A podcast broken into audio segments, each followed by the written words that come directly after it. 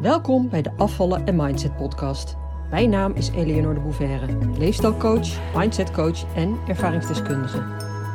In deze podcast leer je hoe je kunt afvallen zonder dieet met behulp van de juiste mindset door je onderbewustzijn te beïnvloeden, waarmee je je ideale gewicht gaat bereiken en behouden. Welkom bij de Afvallen en Mindset podcast, aflevering 55. Je verleden van het stuur afhalen. Ja, en ik sta op het punt om een paar dagen ertussenuit te piepen. En eerlijk gezegd vind ik het altijd een beetje jammer, stiekem, als het dan in Nederland ook warm is. Als je zelf naar een warm oord gaat en het is in Nederland ook warm, denk ik, hè, waarom regent het hier niet gewoon? dan, eh, dan, dan is het extra genieten als je dan uh, lekker daar in de zon zit. Maar dat is dus niet zo. Het wordt de komende dagen mooi weer, is de voorspelling. Nou, ik gun het iedereen natuurlijk van harte. En het is nu ook prachtig weer trouwens. Dus um, ja, en ik ga een paar dagen naar Albanië of all places. Mijn uh, oudste dochter heeft dat geregeld. Ze had nog een cadeautje voor haar twintigste verjaardag te goed. Ze was in februari jarig. En uh, nou, we moesten een paar dagen samen ertussenuit. Lekker uh, een paar dagen quality time. Dus nou, dat gaat nu gebeuren. Dus ik probeer het ook kort te houden, want ik heb nog best wel veel te doen. En ja, ik wil het met je hebben over je verleden. Uh, wat jou kan bepalen en uh, wat je daarmee kan doen. Hè? Dus om dat van het stuur af te halen, zoals ik dat zeg. Dus om zelf weer uh, de regie te pakken, jouw zelfregie, zelfmanagement in plaats van dat je je laat leiden door je verleden. En het is ook wel een onderwerp waar heel veel over te zeggen valt. Hè? Dus uh, het zou ook zomaar kunnen dat deze aflevering hierna nog wel een vervolg krijgt. Um, ja. Want het gaat dus over onderdrukte emoties, hè? Waar, waar we allemaal heel goed in zijn. En wat we onszelf vaak aangeleerd hebben om te overleven. Om onszelf veilig te houden. Moeilijke situaties niet aan te willen kijken. Niet geconfronteerd te willen worden met dingen die pijnlijk zijn. En dat doe je allemaal onbewust. Meestal al in onze kindertijd ontwikkelen we manieren om met bepaalde situaties om te gaan. En dat zijn zogenaamde copingmechanismen. We worden gekwetst of er wordt niet aan onze behoeften voldaan en dan heb ik het over basisbehoeften, hè, zoals um, ja, liefde, hè, dus geliefd zijn, uh, gezien en gehoord worden, erkend worden. En natuurlijk ook veiligheid. En er gebeuren dingen in ieders leven. En ook dus uh, vooral in je vroege jeugd. En als klein kind sla je die dingen ook op. Maak je imprints van ervaringen en plak je er een betekenis aan om daar vervolgens ook naar te gaan handelen. Allemaal onbewust. dus, nou, een um, simpel voorbeeldje. Als peutertje ben je aan het spelen, lekker aan het spelen, lekker aan het rennen. En dan struikel je en val je op je knie. Nou, je knie is open, je moet huilen. En wat je dan nodig hebt, is troost, getroost worden. Maar stel nou dat jouw vader of moeder je die troost op dat moment niet geeft. Hè? Dat je bijvoorbeeld, uh, nou, je vader is er niet en je moeder heeft het te druk of die is met iemand in gesprek. Um, hè, dus je krijgt die troost niet, of misschien niet op een manier die jij graag gehad zou willen hebben, hè, of nodig zou hebben. Hè, ze zeggen bijvoorbeeld van, nou, zo erg is het niet, kom op, niet huilen, is helemaal niet nodig. Dan voel je je als kind, als kleintje, niet gehoord niet gezien en niet erkend. En vervolgens plak je daar een betekenis aan vast, hè, een, een, uh, ja, een, bepaalde, een bepaald idee van, nou, ik mag niet huilen, want dan vinden ze me niet lief. Of ik ben het niet waard om aandacht aan te besteden. Of ik ben lastig als ik aandacht vraag. Of erger nog, um, ja, mijn behoefte aan troost die mag er gewoon niet zijn. Nou, dat zijn dus betekenissen die je als kind aan zulke gebeurtenissen geeft. En die je dan ook opslaat hè, als overtuigingen. En je voelt er misschien al aankomen. Vanuit die overtuigingen ga je vervolgens ook handelen. Ook later in je leven, als die overtuigingen nog overeind staan. Terwijl je die gebeurtenissen uit je vroege jeugd, hè, die eraan ten grondslag lagen, wellicht al lang vergeten bent. Maar die overtuigingen draaien dus wel als een motortje onder jouw motorkap, zeg maar. Dus ze sturen jou aan, zonder dat je er erg in hebt. En wat er dan gebeurt, is dat je emoties die gerelateerd zijn of voortkomen uit die voorvallen uit je jonge jeugd, die je waarschijnlijk, waarschijnlijk al lang vergeten bent, dat je die onderdrukt. Onbewust, hè? je wilt ze niet aangaan. En je hebt in de loop der tijd allerlei manieren ontwikkeld om die pijn te vermijden, om die niet te hoeven voelen. En als je dat doet, dus die emoties onderdrukken, ja, dan komen ze er op een andere manier wel uit. Dat, dat, dat krijg je dan. En een herkenbaar voorbeeld is bijvoorbeeld agressie. Dat zie je bijvoorbeeld op de weg vaak, hè? agressieve weggebruikers. Of ja, gewoon in de omgang uh, met andere mensen, hè? ongezonde communicatie met mensen om je heen. Hè? Of op de werkvloer het ruzie zoeken. Of het anderen moeilijk maken. Hè? Dus je eigen onvermogen om daar op een gezonde manier mee om te gaan, hè? om die ja, als het gaat om die pijn uit het verleden, om die te verwerken en er op een gezonde manier mee om te gaan, die projecteer je dan op een ander. En heel vaak liggen daar dus hele andere dingen onder. dus dat ruzie zoeken of dat agressieve weggedrag, ja, daar liggen hele andere dingen onder. En, en trouwens, als je iemand daarmee zou confronteren, dus als je dat zou zeggen, Ehm, dan ja, dikke kans dat diegene daar heel boos om zou worden. Wat vaak weer een bewijs is van die onderdrukte emoties. Maar ja, het kan er ook heel anders uitkomen. Bijvoorbeeld ja, in eten.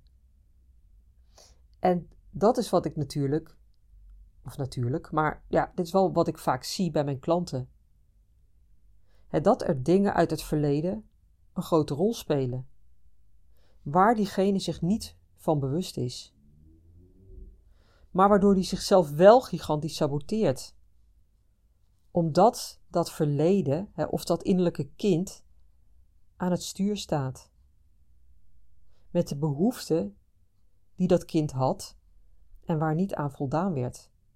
de emoties die toen niet geuit mochten worden de pijn die er nog steeds is en van waaruit het nu nog steeds in het leven staat. Die copingmechanismen, dus, dus die, die, ja, die maniertjes eigenlijk, die dat kind ontwikkeld heeft om ermee om te gaan, uit een vorm van overleving.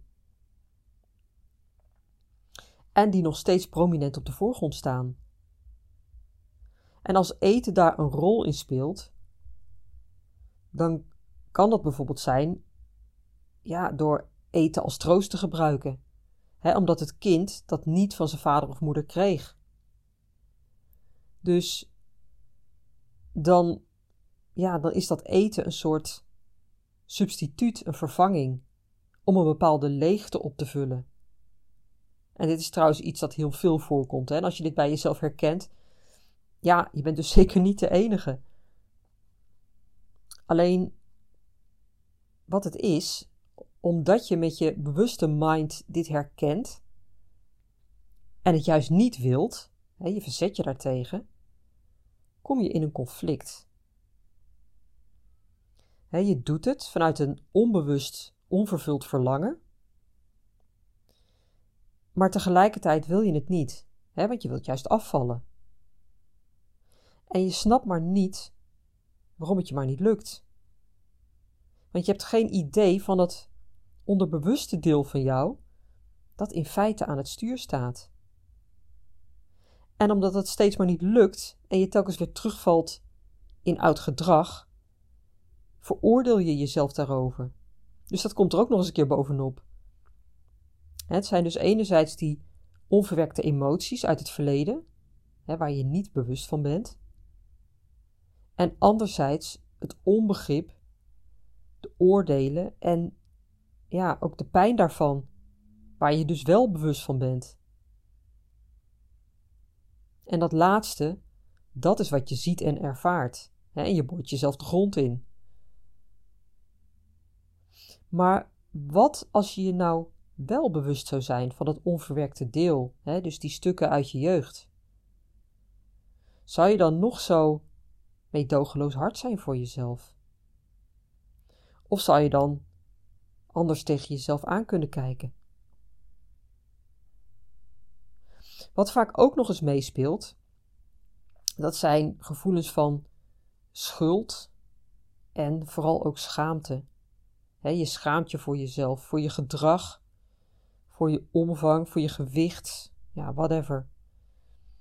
En je voelt je misschien ook wel schuldig naar je partner, je kinderen, je vriendinnen, je moeder. En als dat soort gevoelens er ook nog eens bij komen, dan maakt het het eigenlijk nog pijnlijker.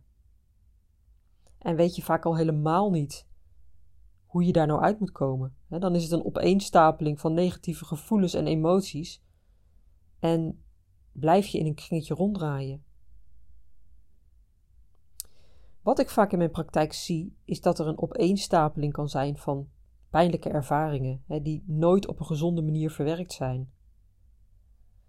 En als dat zo is, dan blijven die ervaringen of die emoties jou aansturen.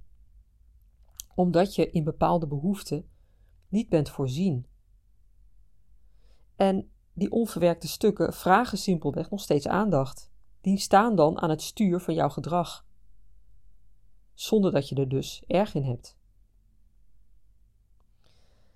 Nou, wat kun je daar nou zelf aan doen? Kun je dan misschien afvragen. Hè? Want misschien herken je wel iets van bij jezelf. En dan is het natuurlijk handig als je er wellicht iets van kan oplossen. Nou, sowieso is het belangrijk om het al te herkennen. Dus om je er bewust van te zijn. En dat zal dus nooit helemaal kunnen. Of je herkent nooit alles. Je kunt nooit alles helemaal doorgronden. Maar als je er al, als je er al iets van meepikt, dan is dat al mooi meegenomen. Dus zeg bijvoorbeeld je herkent bij jezelf dat je, ehm, dat je bevestiging zoekt bij andere mensen. Uh, dat, je dat, dat dat iets is in jouw gedrag wat je vaak doet, bevestiging zoeken.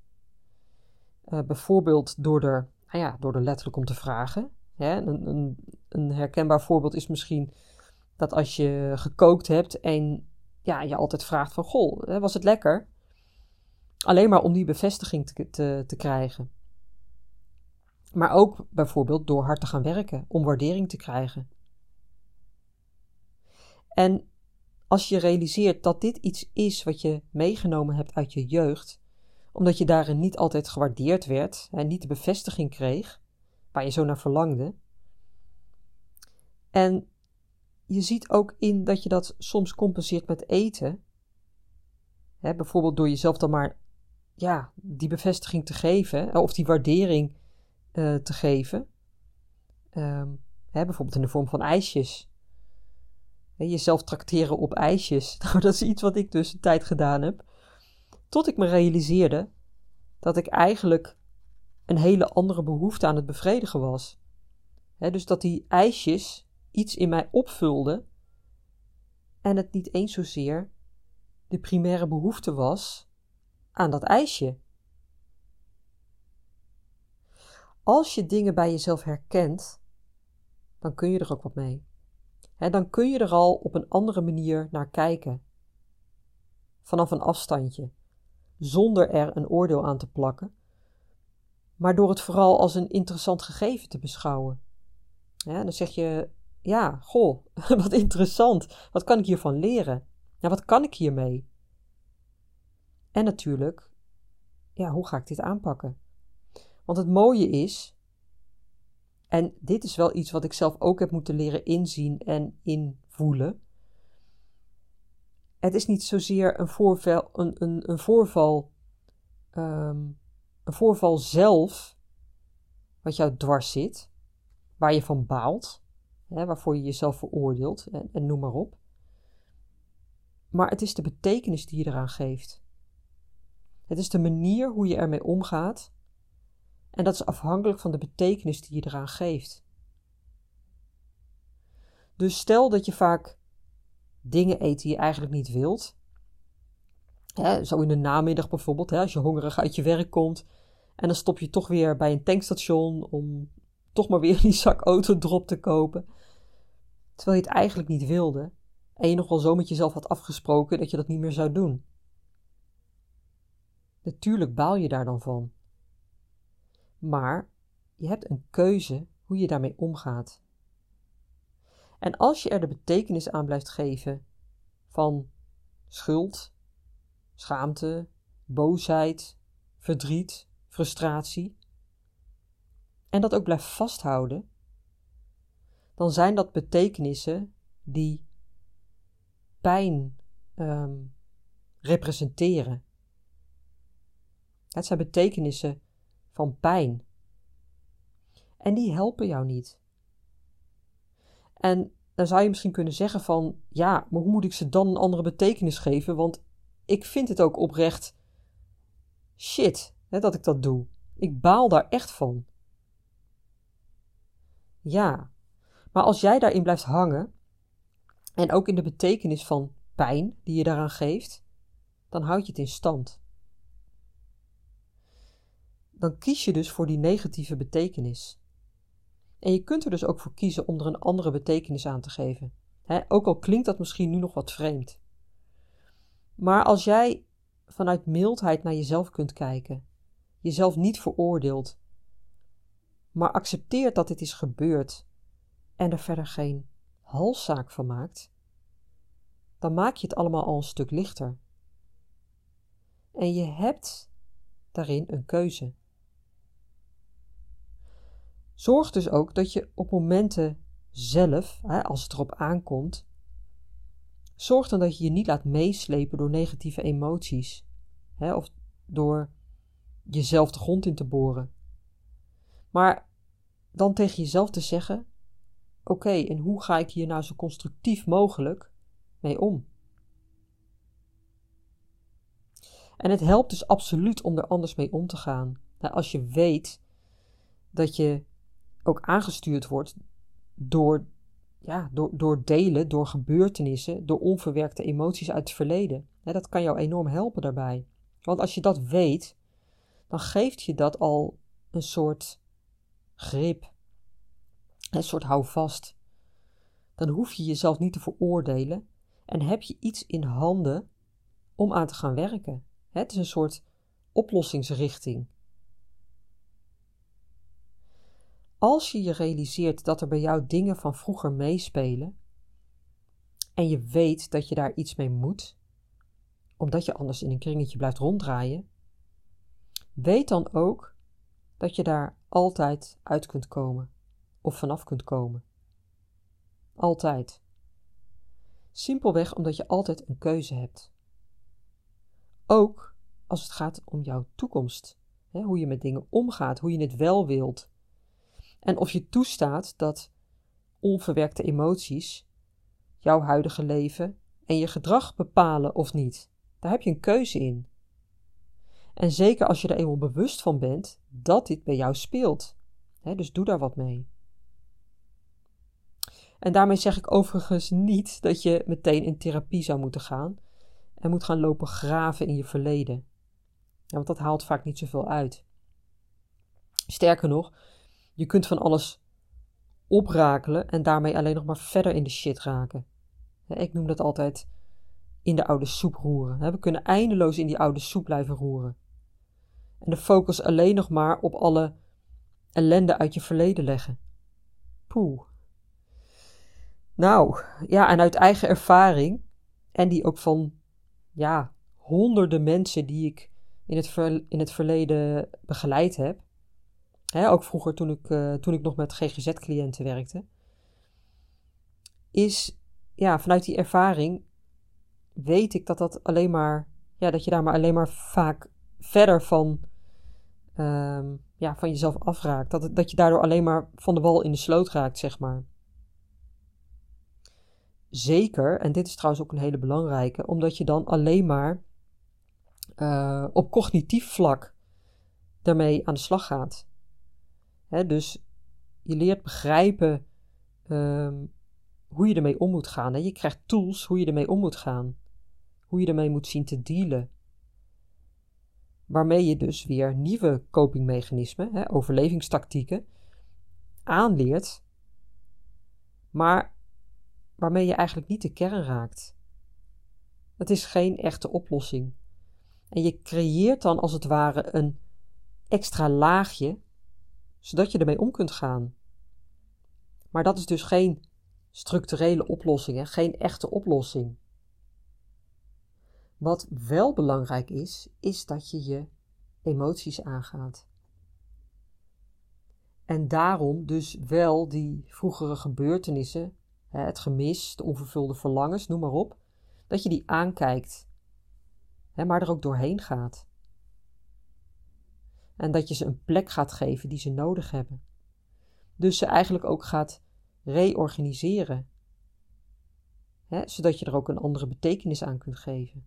want vaak zijn het ook helemaal geen stukken van jou. Je hebt iets overgenomen, iets aangeleerd, wat niet van jou is. Zeker als klein kind, ga maar na. Dat jij niet kreeg wat je nodig had, dat lag niet aan jou, maar bijvoorbeeld aan je vader of moeder. Maar je hebt het wel meegenomen. Je bent het gaan dragen mee de rest van je leven in. En je bent daarna gaan handelen, je bent dingen gaan onderdrukken, hè, noem allemaal maar op. Terwijl het in feite niet van jou is. En het gaat er dus ook helemaal niet om om hè, je ouders bijvoorbeeld de schuld te geven, maar wel om alles weer de juiste plek te kunnen geven. Zodat jij er niet meer mee belast bent. En zodat jij zelf aan het stuur staat in plaats van ja, dat, dat kleine kind, hè, die oude emoties. In mijn praktijk werk ik sinds kort trouwens ook met een specifieke innerlijk kind healing. Een methode om dit soort dingen aan te pakken. Voor als je daar zelf niet uitkomt, maar als je je wel realiseert dat er obstakels zijn uit je jeugd, he, die jou tegenhouden om te doen wat je wilt. Of om je doelen te bereiken, he, zoals afvallen en dat fijne gewicht bereiken waar je zo naar verlangt. En die fijne relatie met eten te krijgen. Nou, mocht je daar meer van willen weten, van mijn programma, één op één of in groepsverband, kijk dan even op mijn website. En ik start in juni weer een online groep via Zoom, waarvoor je van harte bent uitgenodigd. En dat is op een dinsdagavond. Kijk even op mijn website www.afvallenzonderdieet.nu slash groepsprogramma. En ik coach ook nog één op één. En zal dat binnenkort trouwens ook alleen nog maar online doen. Oké, en ja, wat ik verder nog wil vragen aan je, mocht je deze podcast waarderen, deel hem dan alsjeblieft met mensen van wie je denkt, van wie je weet dat die voor hen ook waardevol zou kunnen zijn. En als je dat nog niet gedaan hebt, geef me alsjeblieft een review, want dat kan uh, andere mensen ook weer helpen om deze podcast te vinden. En daarmee help je mij ook. Dus als je dat zou willen doen, als blijk van dank voor, uh, voor deze podcast, uh, nou, dan ben ik jou daar ook weer heel dankbaar voor. En trouwens, als je nog niet op mijn mailinglijst staat, zorg dat je erop komt. Dat kan door mijn gratis e-book te downloaden. Dan kom je automatisch op mijn mailinglijst. En ik stuur een paar keer per week inspirerende mailings. En ja, dan hoef je ook niets te missen. Uh, en als je me zat bent, zeg ik altijd, nou dan kun je altijd weer uitschrijven. Je bent natuurlijk tot niks verplicht. Oké, nou, ik ben er volgende week weer.